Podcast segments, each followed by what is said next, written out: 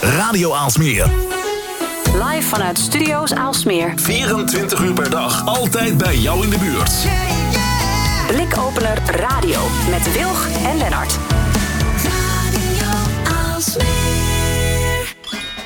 Het is maandag. Tijd voor anders. Tijd voor scherpte en innovatie. Tijd voor Blikopener Radio. Met Wilg en Lennart.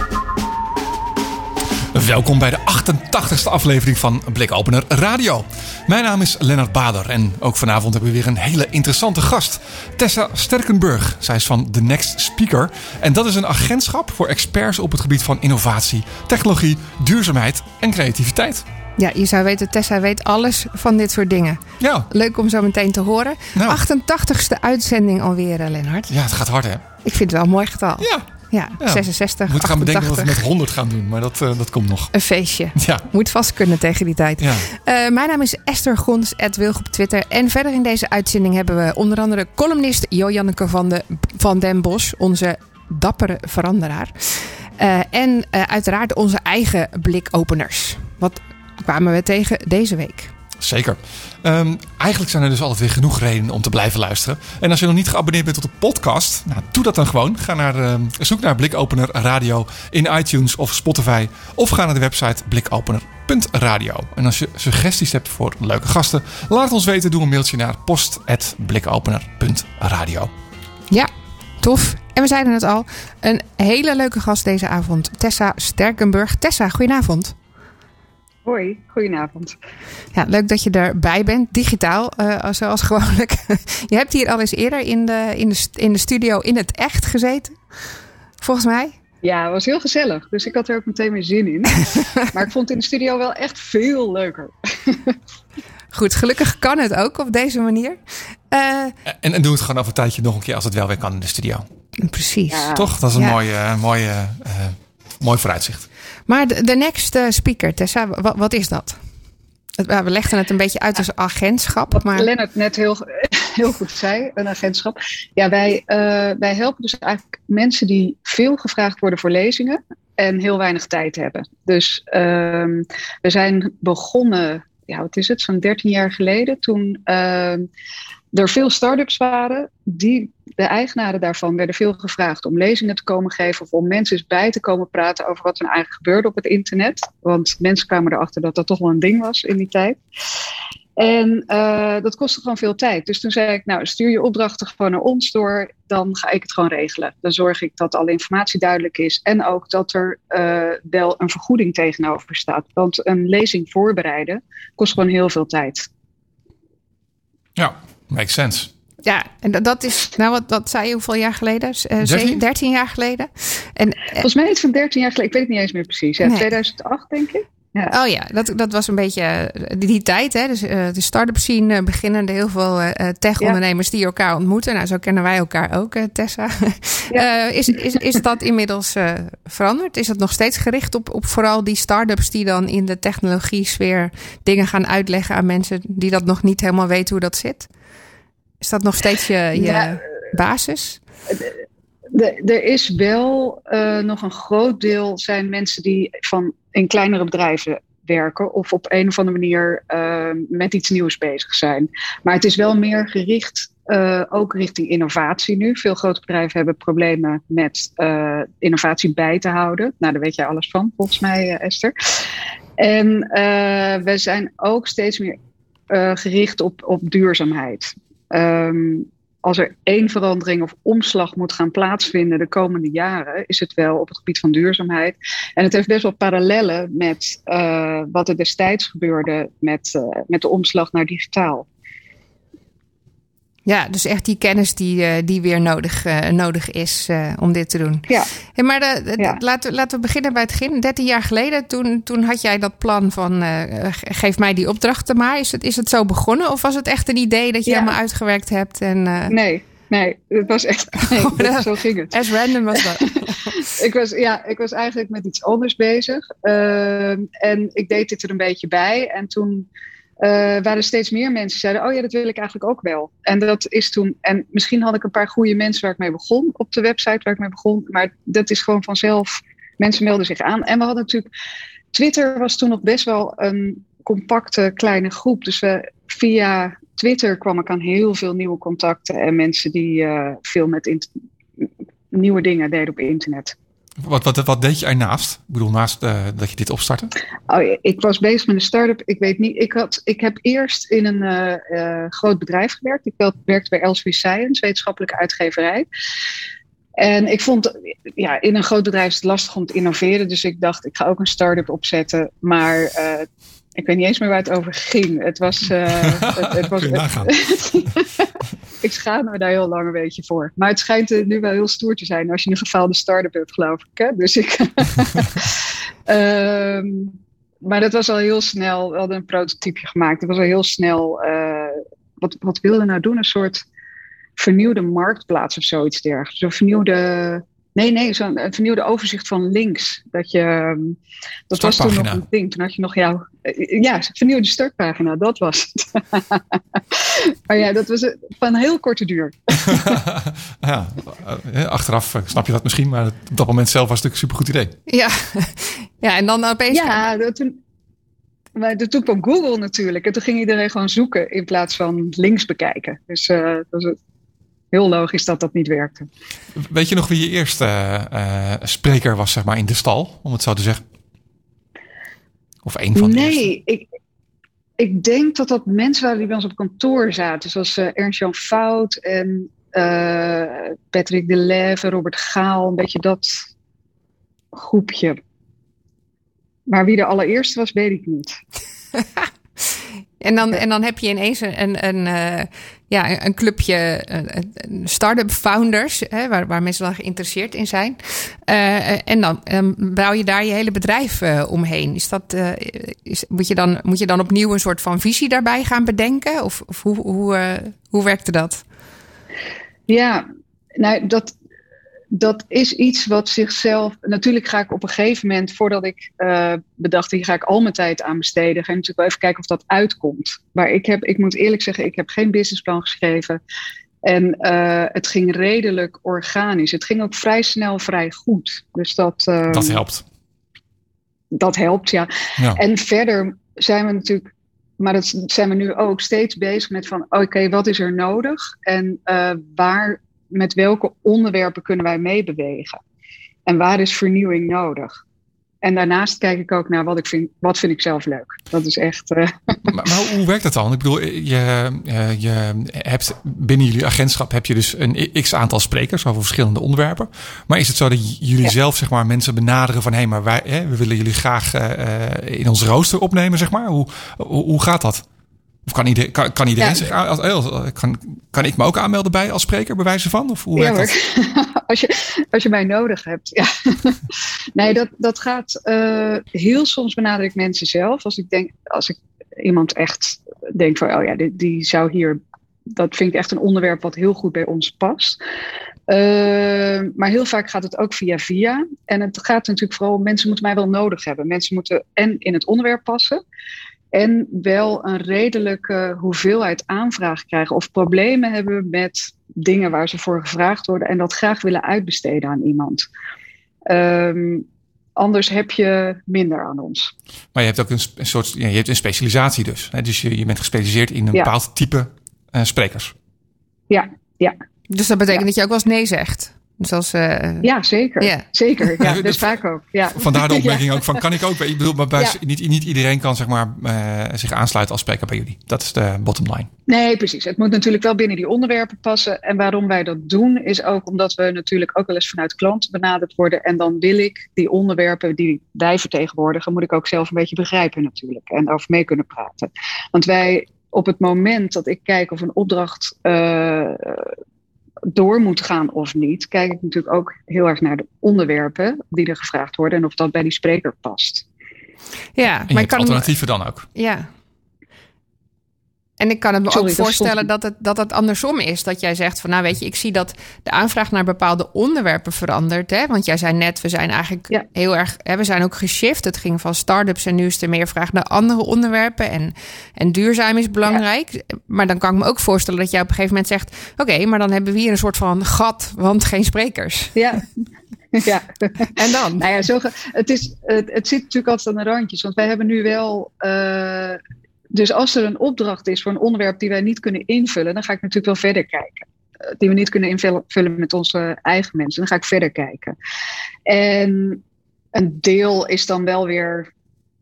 Dan is het niet helemaal precies het onderwerp van die bepaalde spreker, maar kan dat natuurlijk wel. Kan die daar wel over meepraten of met een andere insteek daar uh, een bijdrage aan leveren. Ja.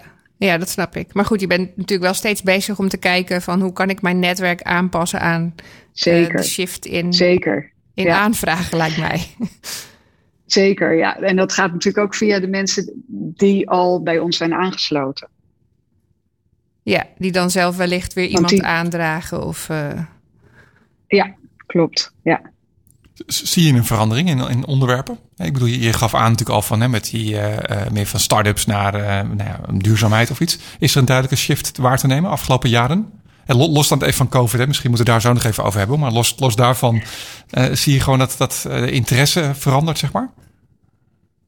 Um, dat, dat is best wel lastig te beantwoorden, omdat wij natuurlijk heel veel de aanvragen via onze sprekers binnenkrijgen. Dus ja, ik zie een verandering in onderwerpen, maar dat kan er ook mee te maken hebben met de mensen die bij ons zijn aangesloten. Dus ik weet niet of dat algemeen hmm. is dan. Ja. Uh, maar wij zien natuurlijk alles wat te maken heeft met uh, innovatie en verandering en hoe moet dat dan plaatsvinden en uh, alle tech-onderwerpen uh, die nieuw zijn, daar zijn ook aanvragen voor. Wat, ja. wat zijn de nieuwste, nieuwste trends op dat gebied? Heb je NFT's of zo? Of, of hoe, nou, hoe gaat dat? Ja, NFT's heb ik nog niet. Meestal gaat het net iets, want dat is net iets te nieuw misschien. Ja. Maar ik heb wel uh, dingen als uh, deepfakes. Wordt veel, want dat is natuurlijk super interessant ook wat daar gebeurt. Ja. Uh, dat, dat is wel echt een hip onderwerp. En voor de rest zijn het uh, ja, vooral op het gebied van. Er zijn een, maar ja, we gaan het zo nog over corona hebben, maar er zijn iets ander type uh, bijeenkomsten op dit moment. En het gaat dus ook heel vaak om onderwerpen die direct zijn uh, toe te passen bij een bepaald bedrijf of een bepaalde organisatie die ernaar vraagt. Ja, dus, dus wellicht voice, dat is natuurlijk heel inzetbaar. Of, uh... Ja. ja, hoewel ik dat nog niet echt als onderwerp zo heb voorbij. Je spreekt over voice. Nee. nee. zo is het nog niet voorbij. Op die manier is het nog niet voorbij gekomen, maar soms wordt het wel weer zo ingevuld. Ja. ja. Ik kan me wel voorstellen dat het super inspirerend is voor bedrijven om uh, um, de specialist of de bekendheid, zeg maar, uh, in een bepaald uh, vakgebied, om die als spreker uit te nodigen. Al dan niet digitaal. Ja, zeker. Wat je nu natuurlijk merkt. Nou, we gaan het nu toch over corona hebben. Ja, oh ja. is dat het, dat ook weer gehad. ja. nou ja, wat je, wat je nu natuurlijk merkt is dat mensen, mensen zitten eindeloos in, uh, in Zoom-meetings of in, in online meetings. En er is weinig wat de creativiteit of inspiratie stimuleert. En mensen zijn toch op zoek naar iets van buiten uh, om gewoon weer nieuwe ideeën te krijgen. Wat je normaal gesproken, ja, heb je veel meer gesprekjes, zie je, zie je mensen in het café waar je mee praat. En daardoor kom je steeds op nieuwe ideeën. En dat mist nu heel erg in de werkomgeving. Dus we merken toch ook wel dat bij uh, teammeetings, bij, uh, ja, daar worden veel sprekers van buitenaf uitgenodigd. En soms gaat het dan over dingen als um, ja, hoe moeten we weer met elkaar connecten? Hoe kunnen we weer, hoe kan je een team leiden in deze tijd? Hoe, hoe kunnen we online werken? En soms gaat het uh, gewoon over een nieuw onderwerp ter zodat mensen daar geïnspireerd door raken en uh, ook weer anders over hun eigen werk kunnen gaan nadenken. Ja, want, want uh, nou ja, we hebben het nu toch over corona. Jij zegt dat zijn dan hè, toch andere aanvragen. Er worden ook voor, uh, voor inspiratie gevraagd. Hoe ging dat maart vorig jaar? Want ik kan me zo voorstellen als jij een agentschap voor sprekers bent, die over het algemeen op podia staan, dat dat even schrikken was maart vorig jaar. Ja, dat was redelijk uh, rampzalig inderdaad. nee, wij hadden de, de lockdown werd aangekondigd en vanaf dat moment werden alle events afgezegd en uitgesteld vooral. Dus mensen hadden ook zoiets van, oh misschien dat we over één maand of twee maanden wel weer bij elkaar mogen komen. Dus wij waren continu bezig met agenda's omgooien, uitstellen. Het was echt, we hebben heel veel werk gedaan. Uh, waar we, uh, nou ja, waar we geen geld mee verdienen in ieder geval. Dat, uh, nou ja, het fijne was dat heel veel events uiteindelijk wel door zijn gegaan. Uh, maar een aantal maanden later. En ja, wat ik toch wel. Mensen gingen toch vrij snel over op online. En ik vond ook dat er vrij snel best wel mooie initiatieven werden ontwikkeld. Dus in het begin was het natuurlijk ja, je kan online ook zo gek maken als je zelf wil. Dus in het begin zag je, werd er een Zoom-linkje doorgestuurd en was dat het dan. Maar je hebt nu ook echt fantastische, hele professionele producties. Die echt leuk zijn om naar te kijken. En waarbij je ook de sprekers gewoon door het beeld ziet lopen. En ja, je mist natuurlijk nog de sfeer en de rest van de mensen die in het publiek zitten en het netwerken. Maar voor de rest is de ervaring gewoon echt best wel, kan heel mooi zijn. Ik kan, me, kan me ook voorstellen dat het dus ook weer kansen biedt. Hè? Dus eh, ik merk zelf bijvoorbeeld dat het veel makkelijker is uh, om ergens in het buitenland uh, een keynote te doen. Ja. Want ik hoef ook niet te reizen, zeg maar. Dus, hè, dus daar word je dan ja. ook makkelijker voor gevraagd. Heeft dat nog invloed bij jullie? Ja, dat merken wij ook. Dus uh, mensen worden makkelijker internationaal gevraagd. En het is natuurlijk nu ook makkelijker om een internationale spreker die voorheen misschien onbetaalbaar was, om die dan toch op je event uit te nodigen. En uh, nou ja, daar hebben we inmiddels ook wel wat ervaring mee. Om, uh, dus sommige bedrijven helpen, vragen ons dan om daarbij te helpen, omdat we de, omdat we de markt kennen. Dat, uh, ja. ja. En, en, het, en het soort ja, hoe noem je dat? Presentatie. Het, het waren natuurlijk vooral keynotes, zoals we dat, zoals we dat noemen. Um, ja. Zijn dat nu ook in, is dat ook in andere vormen? Ik, heb, ik merk zelf bijvoorbeeld dat er dan een hele middag uh, iets is gepland en dan word ik dan voor geboekt. En dan, en dan, word ik, hè, dan wordt dat hergestructureerd naar iets waar je dan in een soort van workshop uh, setting uh, bij zit. Is, omdat dat dan beter ja. werkt online. Merk je daar verandering in? Of heb je ook alleen nog maar aanvragen voor keynotes? Nee, het is uh, wat wij vooral in het begin, toen het weer een beetje begon te lopen, kregen we ook vooral andere vormen. Dus er werden mensen gevraagd om uh, een videoserie te maken. We hebben ook best wel, we hebben een aantal sprekers die zich onmiddellijk uh, goed geïnvesteerd hebben in een thuisstudio met goed licht en goede uh, microfoon en alles. En die konden ook dat soort aanvragen konden ze, konden ze ook doen. Dus er waren uh, ja, mensen werden meer gevraagd om podcasts op te zetten of een videoserie die ze dan in het hele bedrijf konden kijken. En het is natuurlijk ook met online events, uh, ze moeten korter. Want mensen, het is gewoon moeilijk om een hele dag achter je computer te zitten. En ze moeten ook vaak wat interactiever. Zoals je toch liever een workshop dan, een, uh, dan gewoon een lezing. En ik vind online gesprekken of online discussies ook nog wel leuk om naar te kijken. Dat, uh, ja, ja. Dus ja, de vorm verandert ook een beetje. En dan moet je daar weer een moderator bij regelen. Uh, facil faciliteren ja. jullie daarin? Want jij zegt, nou, er zijn onze sprekers ja. die dan echt geïnvesteerd hebben. Heb, heb, bied je daar hulp in aan? Wat dan, wat dan, wat dan goed is op dat moment? Um, het, je bedoelt richting de klant of richting de sprekers? Richting de sprekers. Nou ja, veel van onze sprekers zijn natuurlijk digitaal bijzonder goed uh, uh, op de hoogte. Dus die, die hebben dat gewoon zelf al helemaal uh, bedacht hoe dat dan moet. En ik denk dat dat ook wel de reden is dat veel van onze sprekers wel gevraagd worden. Kijk, voor ons was het in maart vorig jaar, wij klapten onze laptop dicht en we, we zetten de conversatie voort op Slack. Maar voor heel veel bedrijven was het echt een shock om over te gaan naar thuiswerken. Ik had een dame aan de telefoon die zei: Ja, ik ben gewoon naar huis gestuurd met een uh, Microsoft Teams link en ik weet helemaal niet wat ik moet doen. dus die, waren, die zijn zo gewend om altijd op kantoor te werken. Sommige mensen hebben niet eens een laptop, sommige mensen kunnen niet meer inloggen in de systemen van hun bedrijf.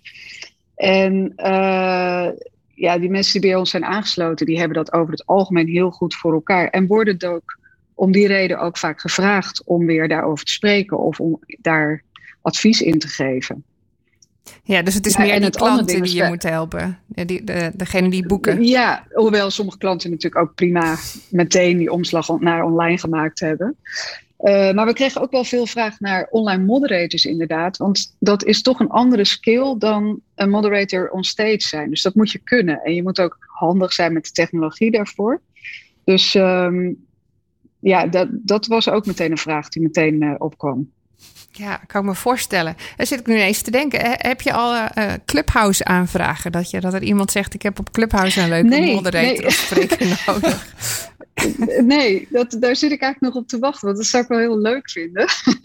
Eh, ja, ik, ik hoorde vandaag ook van iemand die zei: ehm, We hebben in onze Zoom-meeting allemaal het beeld uitgezet. Want we werden er allemaal doodmoe van. En de conversatie ging veel beter dan met video erbij.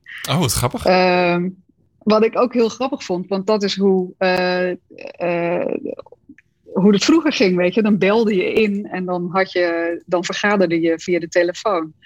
Maar eh, ja, dat is, geeft waarschijnlijk ook het succes van Clubhouse aan. Ja, nou ja, eh, eh, ik weet niet of het ooit nog ingehaald worden, eh, wordt. We hebben inmiddels Twitter Spaces. Dat heb ik drie keer geprobeerd, maar dat, dat is er nog niet helemaal. maar goed, ik kan me wel voorstellen dat dat, dat, dat ook voor ja, sprekers wellicht interessant is. Ehm, maar, maar een andere variant van Clubhouse, podcast zoals, zoals deze, zit, zit, je, zit daar wel meer vraag in? Merk je daar wat van qua aanvragen? Eh, ja, dat hebben we vorig jaar vooral gehad. Dat er. Ja, mensen zijn toch continu op zoek naar het bereiken van eh, ja, niet alleen interne team eh, beter laten functioneren, maar ook hun klanten bereiken. En dat kan dus inderdaad eh, in plaats van events kan je natuurlijk podcastseries opzetten of videoseries. En daar hebben we wel een aantal aanvragen voor gehad, ja, omdat, om daar een goede presentator voor te hebben. En, eh, en, en een beetje te helpen met het opzetten en zorgen dat het format goed is. Ik kan me voorstellen dat een, een, eh, een real-life event is, is altijd iets eenmaligs. Hè, dat wordt in principe denk ik niet eh, opgenomen of niet verder verspreid. Maar met de digitale dingen is dat, hè, als je zegt ik neem een videoserie op of een podcast. Dat is natuurlijk eigenlijk een hele andere orde, toch? Ja, ja, daar maken we ook wel afspraken over. Dat, sommige dingen zijn gewoon.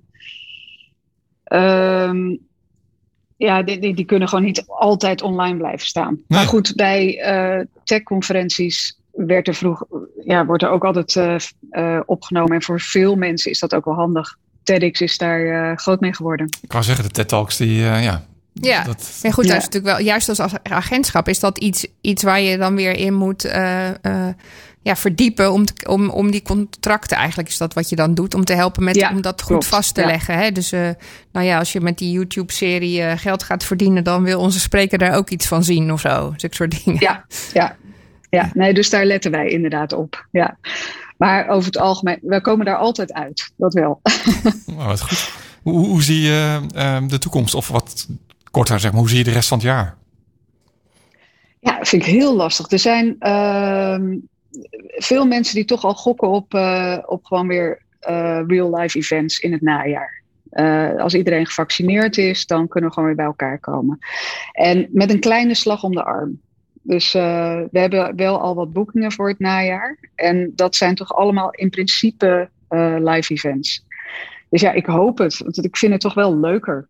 Ja, ja, maar, Ja. maar blijft dat digitale wel voortbestaan? Of is dat, houdt dat dan in één, Ja. ineens op, denk je? Nee, ik denk dat dat toch ook, dat dat ook blijft. Het zal toch ook, je- merkt toch dat het, eh, ehm, ja, mensen hoeven minder te reizen. Eh, een internationale spreker is makkelijker bij te vragen. Ehm, en ik denk zeker voor teammeetings of veel interne events dat dat wel blijft. Het zal, het, we, we krijgen het nu gewoon alle twee, denk ik. Ja, zolang het maar geen hybride versies zijn, dan eh, vind ik dat helemaal top. Dat je via En een dat- scherm dat is op het ook podium veel, staat ja. of zo.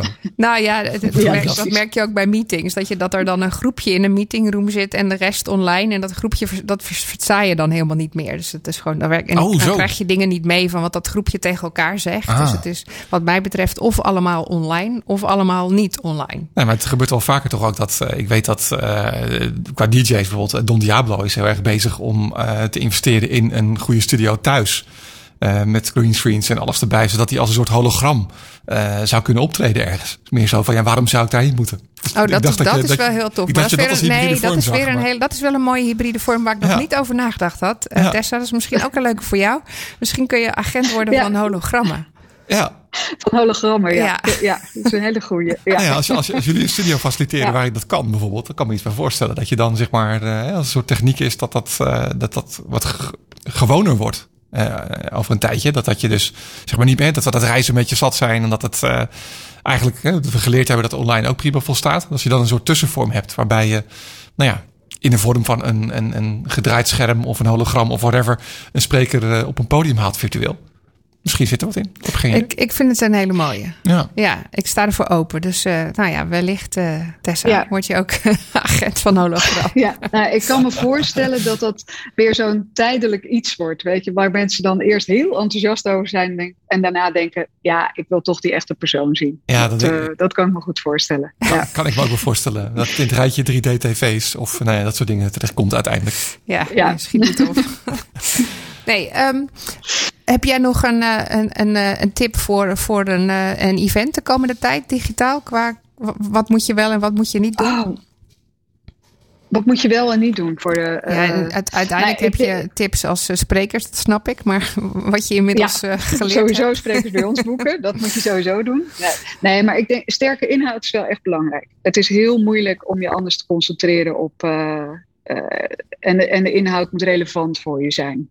Dat is sowieso heel belangrijk. En ik denk, eh, nou ja, wat ik net zei, dat het, je moet zo'n event niet te lang maken. En eh, een hele goede moderator hebben die ook het event interactief kan krijgen. En bijvoorbeeld met een chat ernaast of zoiets kan zorgen dat er ook eh, de vragen aan bod komen. En ehm, ja, als je echt wil dat er veel mensen kijken, dan moet je investeren in de technologie. Dan moet je echt zorgen dat het, eh, dat het er goed uitziet.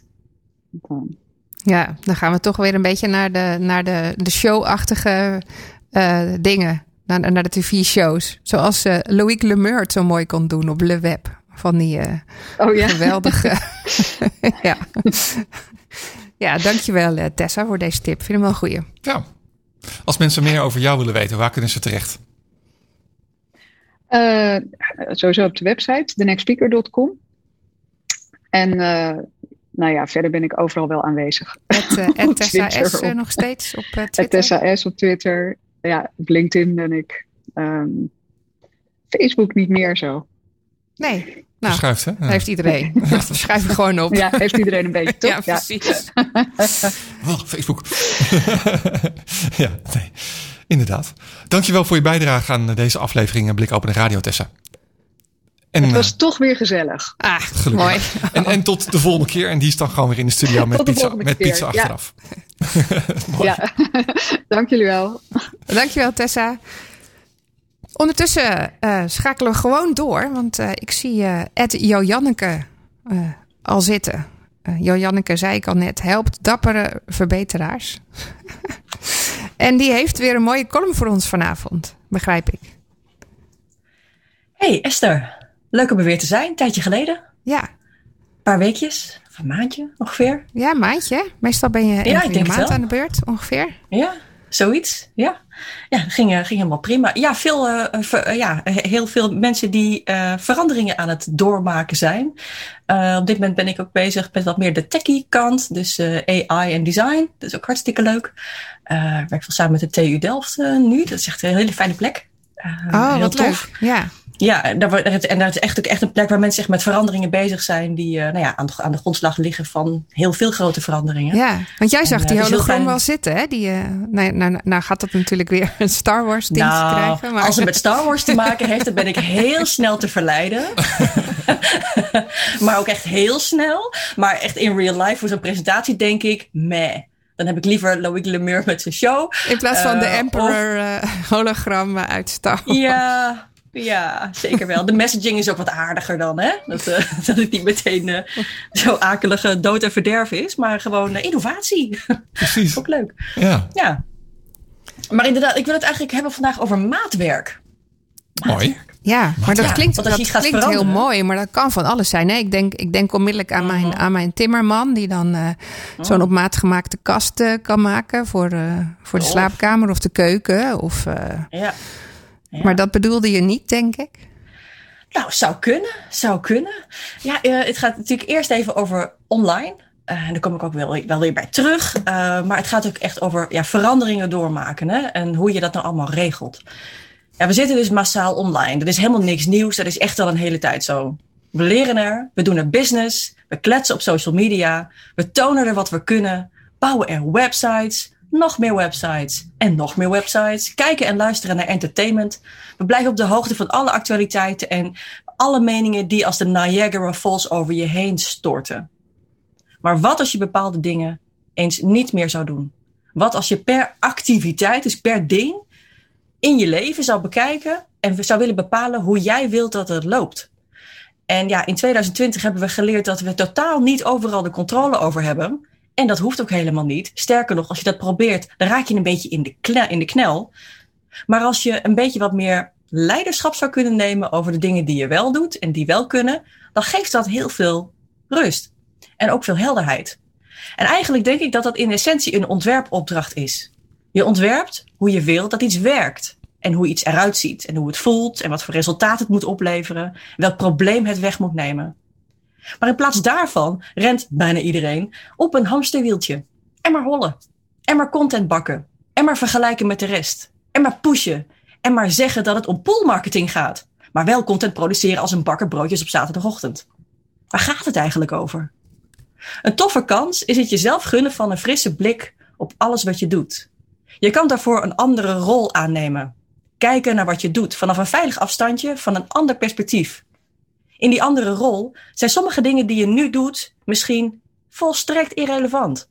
Drie keer per week bloggen. En een podcast. En een YouTube-kanaal. En een online training. Of misschien wel drie. En een tweede website. Nog meer lanceringen. En een derde side gig. Waar word je gelukkig van? Wat maakt dat je het beste resultaat haalt? En wat past eigenlijk het beste bij jou als je even niet naar de buren kijkt?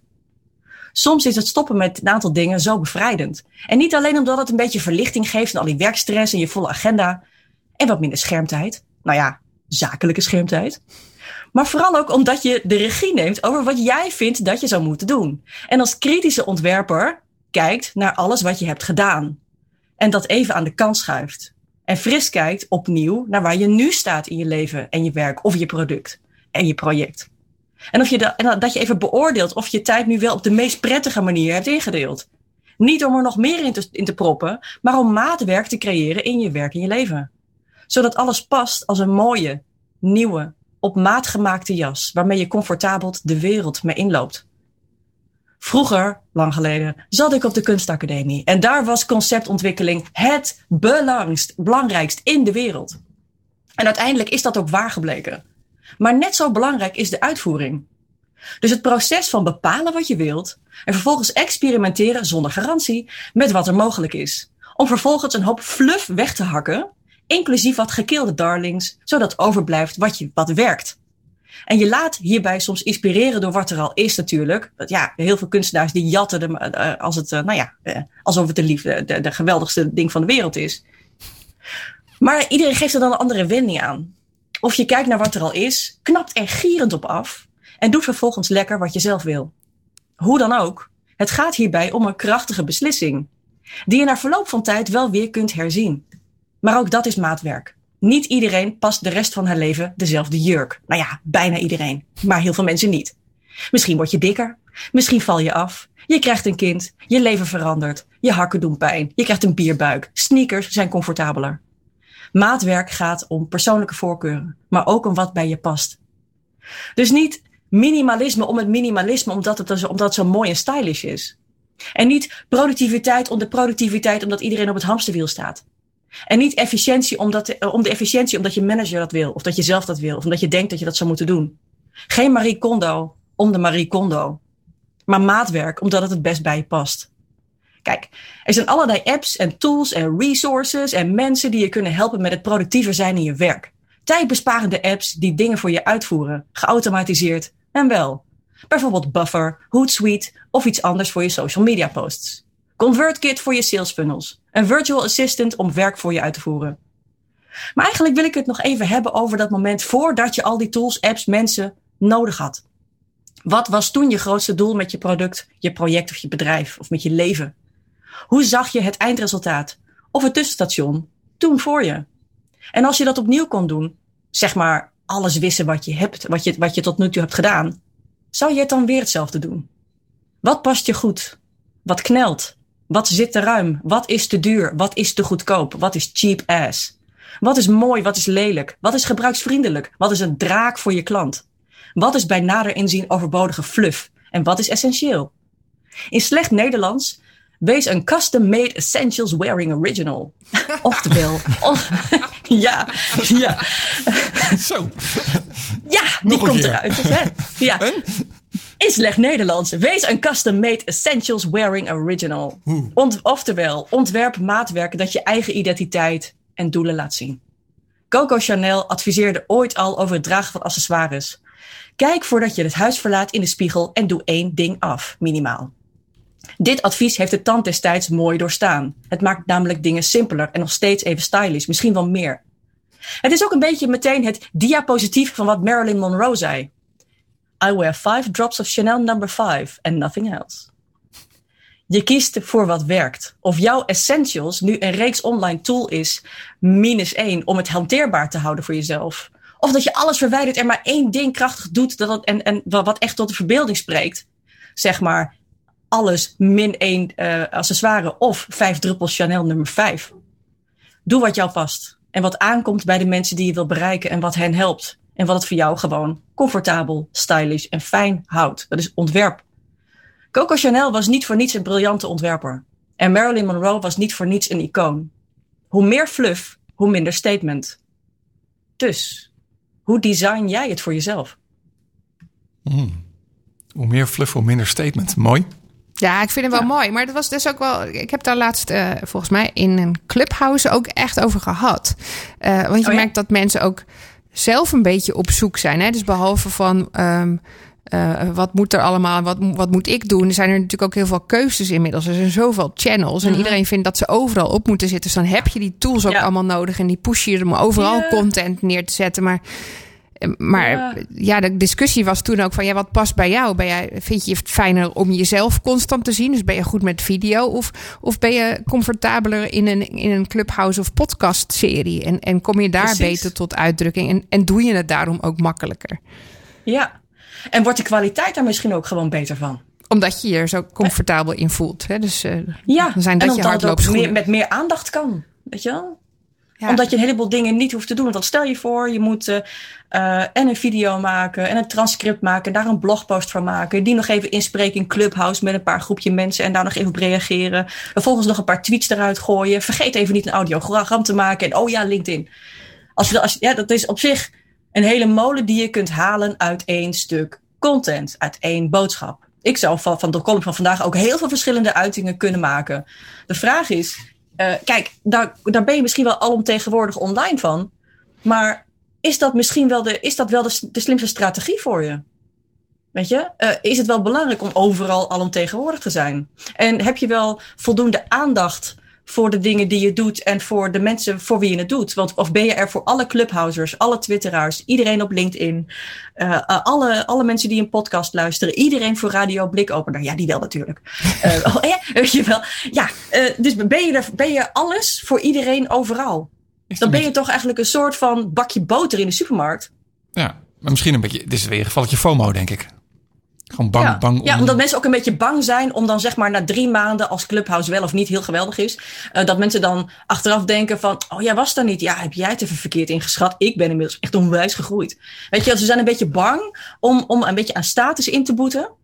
Ehm, en niet iedereen hoor. Dus ik, ik generaliseer nu een beetje. Maar het is wel iets van vaak wat ik, wat ik eh, ja, toch wel vaak zie. En wat ik, zo fijn zou, wat ik het zo fijn zou vinden als mensen in het algemeen ehm, het wat meer vinden als eh, het meer eh, benaderen als een experiment. En dat eh, als iets wel goed uitpakt, zoals Twitter, wat voor- mij persoonlijk echt super heeft uitgepakt, ehm, dat dat ook gewoon een lucky shot is en niet altijd een vooraf bedachte strategie. Want omdat dat soort dingen niet altijd te voorspellen zijn, zijn mensen er als de kippen bij. Want als het dan toch een keer explodeert, dan ben je er in ieder geval al vast. Ja. Maar dat, dat maakt je wel een beetje moe. Weet je? Um, kijk, als je, als je nou een tijdje uh, Clubhouse heel intensief doet. Ik deed het in het begin best wel intensief. Ik doe dat nu wat minder. Maar ik heb er wel plezier in. Uh, als ik kijk naar Twitter, dat is eigenlijk altijd een beetje stabiel voor mij. Uh, e-mail nieuwsbrieven zou ik veel vaker moeten doen. Maar omdat ik het nu minder doe, denk ik veel meer aan dat medium als een soort van magazine in gesprek met een ander. Dus ook de manier waarop je het gebruikt verandert ook de manier waarop je het gaat inzetten en hoe het zich vormt. Ja. En als ik het nou heel vaak zou doen, dan zou het dus misschien lijken op al die andere nieuwsbrieven. Maar dat doet het dus niet. En daardoor wordt het misschien ook echter. Ja, Ja. ja. En dan, dan is het zeg maar, ja. En dat vind ik ook wel leuk dus. dat je dat zegt. Want hè, dat zeg ik bijvoorbeeld ook heel, heel vaak eh, tegen mensen. Van het is ook, wat jij zegt experiment. Het is een experiment en het zijn keuzes die je maakt. Dus als jij de Ja. keuze maakt van ik ga nu vol voor, weet ik niet, LinkedIn. Want ik ben dit aan het doen en ik heb focus nodig. Dan is dat niet een keuze die voor altijd is.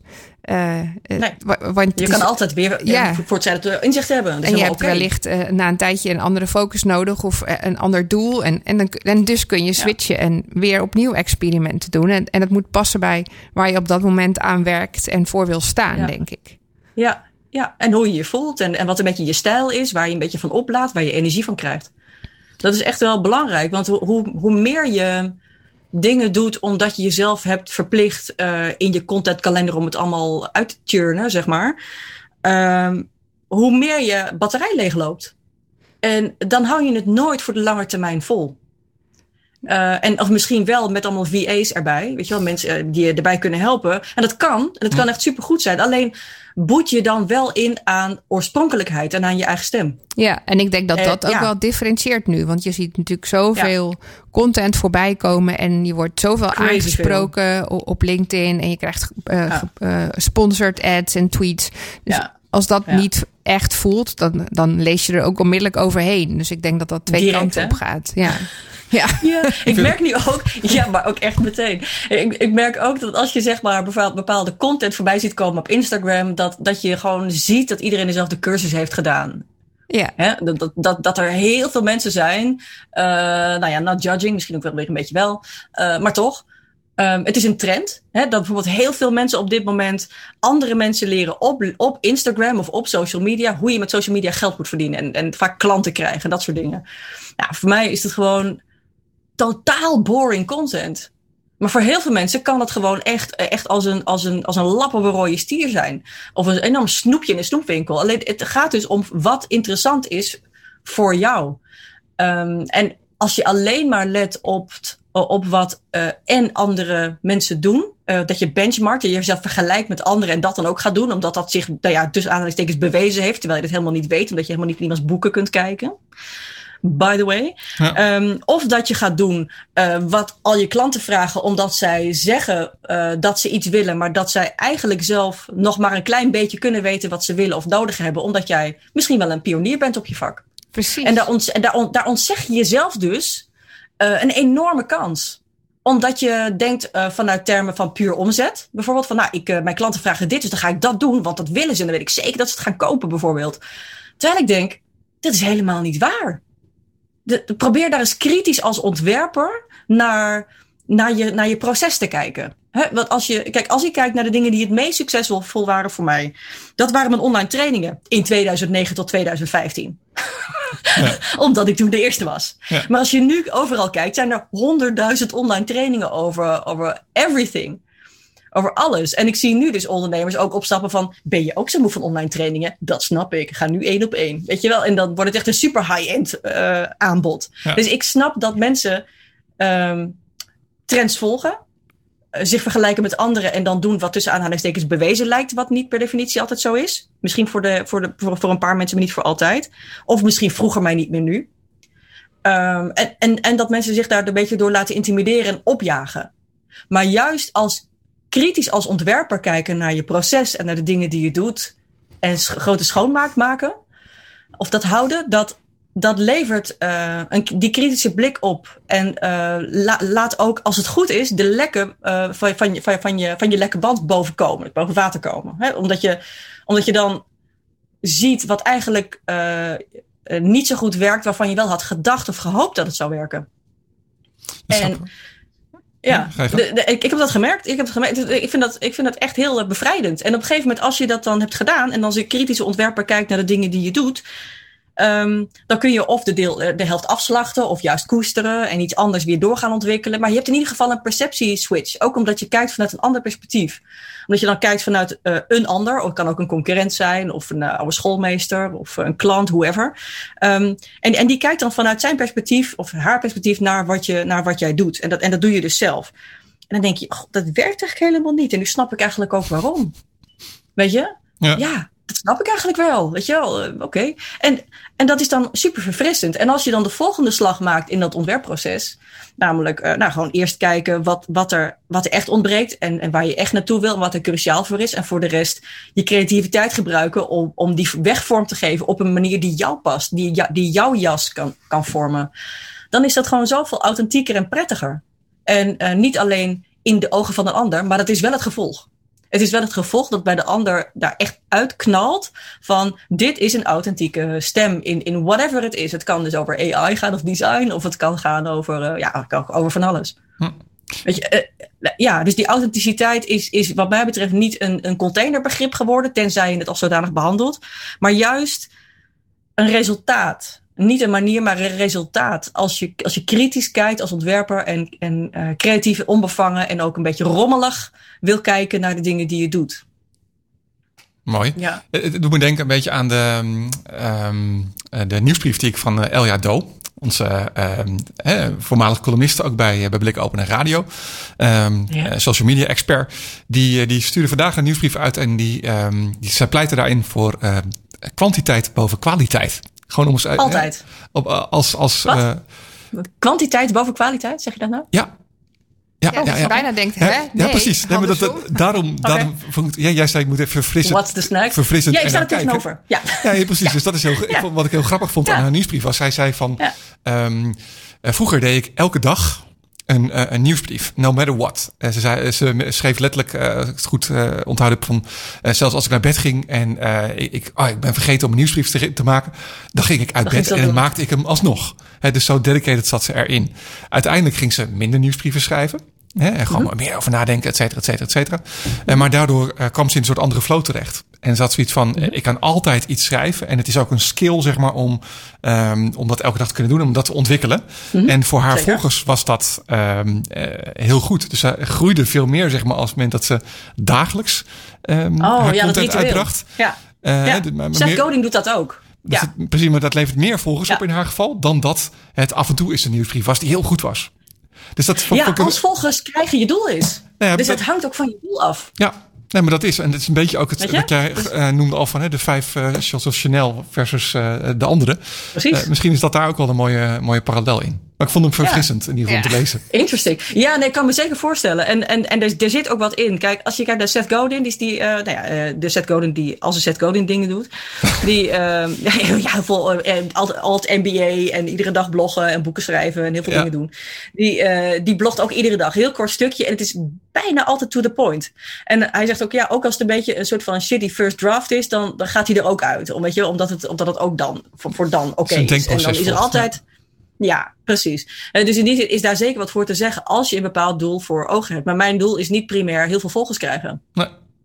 Nee, weet je, dus um, uh, ik vind het fijner, um, en dat is heel persoonlijk, um, om ja, mijn, mijn persoonlijke ritme te volgen. Als ik ergens zeg maar de geest uh, voor heb, om dat in één keer te doen. En dan kunnen er misschien zo'n vijf blogposts uit, uh, uitrollen in één, uh, in één rimram. En dat vind ik dan helemaal oké. Okay. En als het dan twee weken niet gebeurt, vind ik dat ook oké. Okay. Ja. Uh, dus ja, kijk, er zijn op dit moment best wel een aantal dingen die ik uh, doe. En ik, ik merk dus ook dat ik soms tegen grenzen aanloop van wat redelijkerwijs een mens kan, uh, kan doen. Wist als Joanneke zijnde.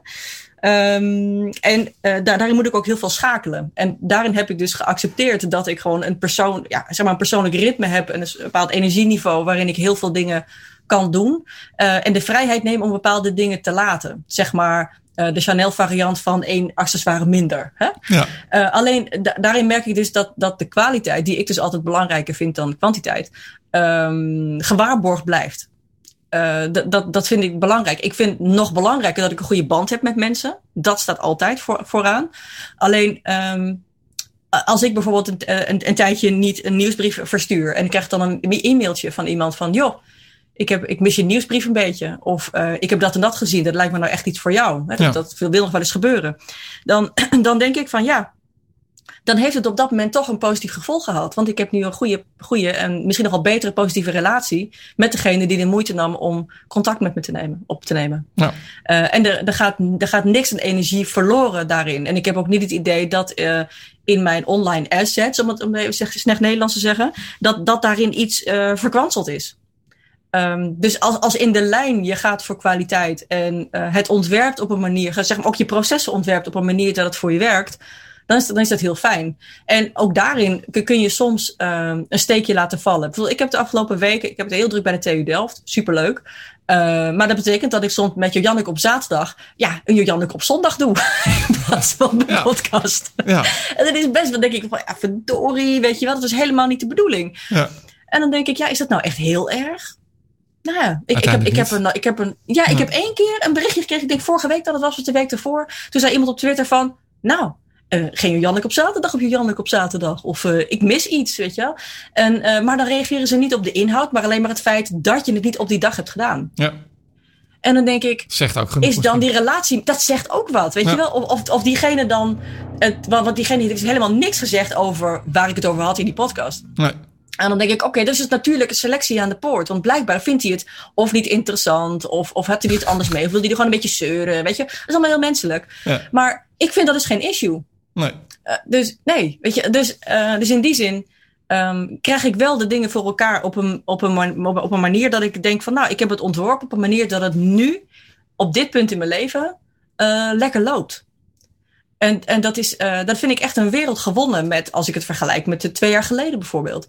Wat goed. Dus ja, weet je, maar dat is echt een proces. Het is ook een ontwerpproces. Dat, dat, je, dat je, als je iets uitprobeert, een experiment hebt, dat je na een tijdje denkt van, nou, dit, dit werkt eigenlijk helemaal niet zo lekker. Of ja, op papier klonk het zo goed, maar in de praktijk red ik dat helemaal niet.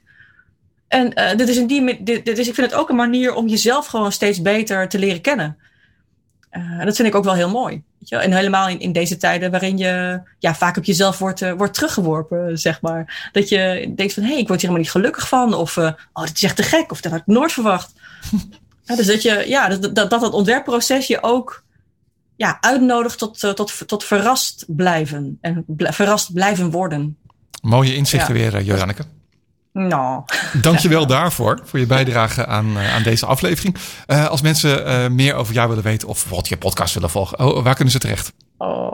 Nou, op Twitter ben ik Jojanneke. mijn podcast heet Jojanneke op zaterdag. soms op zondag. Ja. soms op zondag, één keer zelfs op maandag geweest. Dat moet ik niet doorvertellen. Mag niemand weten. Nee, oh, grapje. Um, ja, ik denk dat dat het handigst is. En jojanneke.me is mijn, is mijn website of Brave Changemakers. En dan, uh, dan kun je hem bijna overal wel, wel vinden.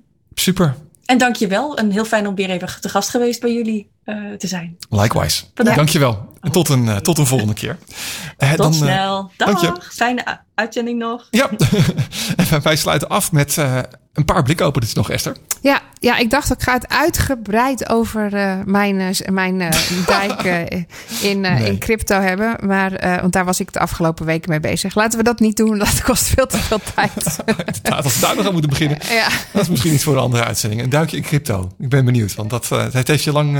je bent er lang van weggebleven. Ik ook hoor, nog steeds trouwens. Maar ja, maar dat, het, het, is heel grappig. Het heeft natuurlijk vooral te maken met de, de dat het nu geaccepteerd is in de mainstream. Nou ja, en, uh, je noemde net zeg maar, dat de, de porno-industrie uh, ook een muntje heeft. Ja, uh, heel tof. Daar, daar werd ik door getriggerd. er zijn nu cummies. Logisch. en als porno op crypto duikt, dan moet ik maar eens gaan kijken hoe interessant het dan is. Goed, daar gaan we later een keer nog uitgebreider over praten. Een soort cliffhanger dan misschien. Um, wat mij opviel, om even snel af te trappen. Uh, Clubhouse is eindelijk ook op, uh, op Android uit. Ja, uh, sinds vandaag in de Amerikaanse Google Play Store te vinden, zodat Android-gebruikers hem ook eindelijk officieel kunnen installeren. En toegang werkt er nog wel, net als met iOS, op uitnodiging. En dus daar moet je dan nog wel even achteraan. Het begon ook natuurlijk als iOS-app. En in Nederland werd het in korte tijd enorm populair. En dat kwam was volgens wel mij... een beetje een hype volgens mij. Ja, ik denk wel, hij is best wel voorbij ook. als ik eerlijk ben naar mijn eigen Clubhouse gebruik, is dat ook best wel even geleden. En ik denk dat het in het begin ook wel kwam omdat er heel veel BN'ers op zaten. En het heel spontaan was. En dat je eigenlijk heel makkelijk met uh, mensen die ver weg waren. Uh, voor heel veel onbereikbaar ja, en, waren. En, en natuurlijk omdat er een aantal investeerders die achter Clubhouse zaten, ervoor zorgden dat er elke week wel een nieuwe bekende. Ja. Uh, maar ook in Nederland gang. Ik ja, doe dat ook in Nederland ook. gewoon wel opeens, zeg maar, dat je Marco Bossato in een, in een, in een, in een clubhouse sessie kon vinden, bewijzen ja, van precies. ik noem eens iemand. Um, dus nou ja, eh, wat wel een beetje, wij merkten het al, hè, het is al een beetje op zijn retour. Als ik nu mijn app open en kijk wat voor Nederlandse events er in mijn schema staan, uh, niet. Nee, heel weinig nog. Uh, en inmiddels is natuurlijk uh, Twitter Spaces, uh, dat was al uitgerold naar een aantal gebruikers. Hè. Dus ik had bijvoorbeeld al Twitter Spaces, maar dan kon je nog heel weinig. Je kon een, een, een, een room starten, maar dan kon je hem niet aankondigen. En dan moest je maar een beetje wachten tot er iemand leuk ook ja? naar binnen kwam. maar inmiddels kun je die dus ook met andere sprekers samen starten en is die over heel Twitter uitgerold. Is dat beter? Merk je verschil erin? Verschuift het naar daarheen? Ja, maar dat, dat wordt ook nog niet heel erg groot of hard. Hmm. Hmm. Dus maar, ik ben benieuwd of dat, hoe dat gaat lopen? Nou, ik kan me wel voorstellen dat ze dus hopen hiermee het, uh, het tijden een beetje te keren voor, uh, voor Clubhouse. En want uh, als we nog een paar cijfers erbij pakken. Oh, um, februari was het hoogtepunt. 9,6 miljoen downloads. En downloads is natuurlijk één, één van de indicatoren om succes te bepalen. In maart ging het naar 2,7 miljoen. En inmiddels afgelopen april 900.000. Ja. Dus dat is, ja, nou of iedereen heeft het al, of... ja, dat, ik zeg wel iets. We hadden toen natuurlijk ook al een uitzending over Clubhouse gemaakt... waarin we zeiden, het heeft wellicht ook te maken met dat iedereen in COVID een beetje klaar is met wat er is. En hè, ze andere dingen zoeken, Netflix ja. uit hebben, dat soort dingen. Ja. Kan ook dat het daarmee te maken heeft. Maar goed, we moeten maar zien uh, hoe dat verder gaat. Um, want ondertussen blijft Voice natuurlijk wel uh, een heel interessant uh, medium. En je ziet, dingen, je ziet toch dat daar veel um, ja, bedrijven en, en start-ups mee bezig zijn. Uh, en, en zo vond ik ook bijvoorbeeld het Eurovisie Songfestival. En nou, ik weet niet, dat, dat hebben wij dit jaar. Volgende week toch? Ja, dan ja. al zeg maar. Ja. Dus, maar dat is natuurlijk niet heel, een heel groot event. Hè. Dat wordt natuurlijk allemaal digitaal. Um, dus dacht Eurovisie Songfestival Nederland, weet je wat? Um, laten we er meer mensen bij betrokken, trekken. Uh, en we maken een voice-app. Hmm. Uh, en dat betekent gewoon dat je nu uh, op, uh, op, de, op de Google Voice Search, hè, die, die onder andere in, in de Alexa wat is dat, voice speaker zit. Ja? Uh, je ook dingen kan vragen over het Eurovisie Songfestival. Uh, ze hebben daar de, uh, de bekende. Um, hoe heet hij ook alweer? de bekende presentator voor gevraagd. Die dan inderdaad, die, die dan allemaal weetjes kan vertellen over alle liedjes. Hè. Dus alle liedjes kun je laten afspelen. Dus alle inzendingen kun je laten afspelen. Je kunt de weetjes vragen over de zangers, over de landen. nou ja, goed, er zit heel veel kennis in. En dat kun je allemaal vragen aan de Eurovisie Songfestival Voice app. Dus als je dan zegt, en zet hem thuis maar even aan. Hey Google, praat met het Songfestival. Precies. Dan zou het kunnen zijn dat er dit thuis bij jou Google antwoordt ja hoor. Ik hoop dat er dus nu gereageerd wordt door uh, alle Alexa's die uh, aanstaan. Alexa's of, of juist Google Homes? Of ja. Google Homes, ja. ja oh ja, uh, ja, niet Amazon. Nee, nee. sorry. Google nee. Homes. Alle Google Homes die aanstaan. ja. Zou mooi zijn. Ah, nou, daarmee komen we al wel weer aan het, uh, aan het uh, uh, spraakgedeelte aan het einde van deze aflevering ook. Ja, deze voice podcast. Nou, en crypto gasten. doen we dan gewoon een andere keer. Ja, wel ja. Precies. En als je daar een, een zinnige bijdrage over hebt, laat het ons weten. Doe een mailtje naar post.blikopener.radio. Fijne week.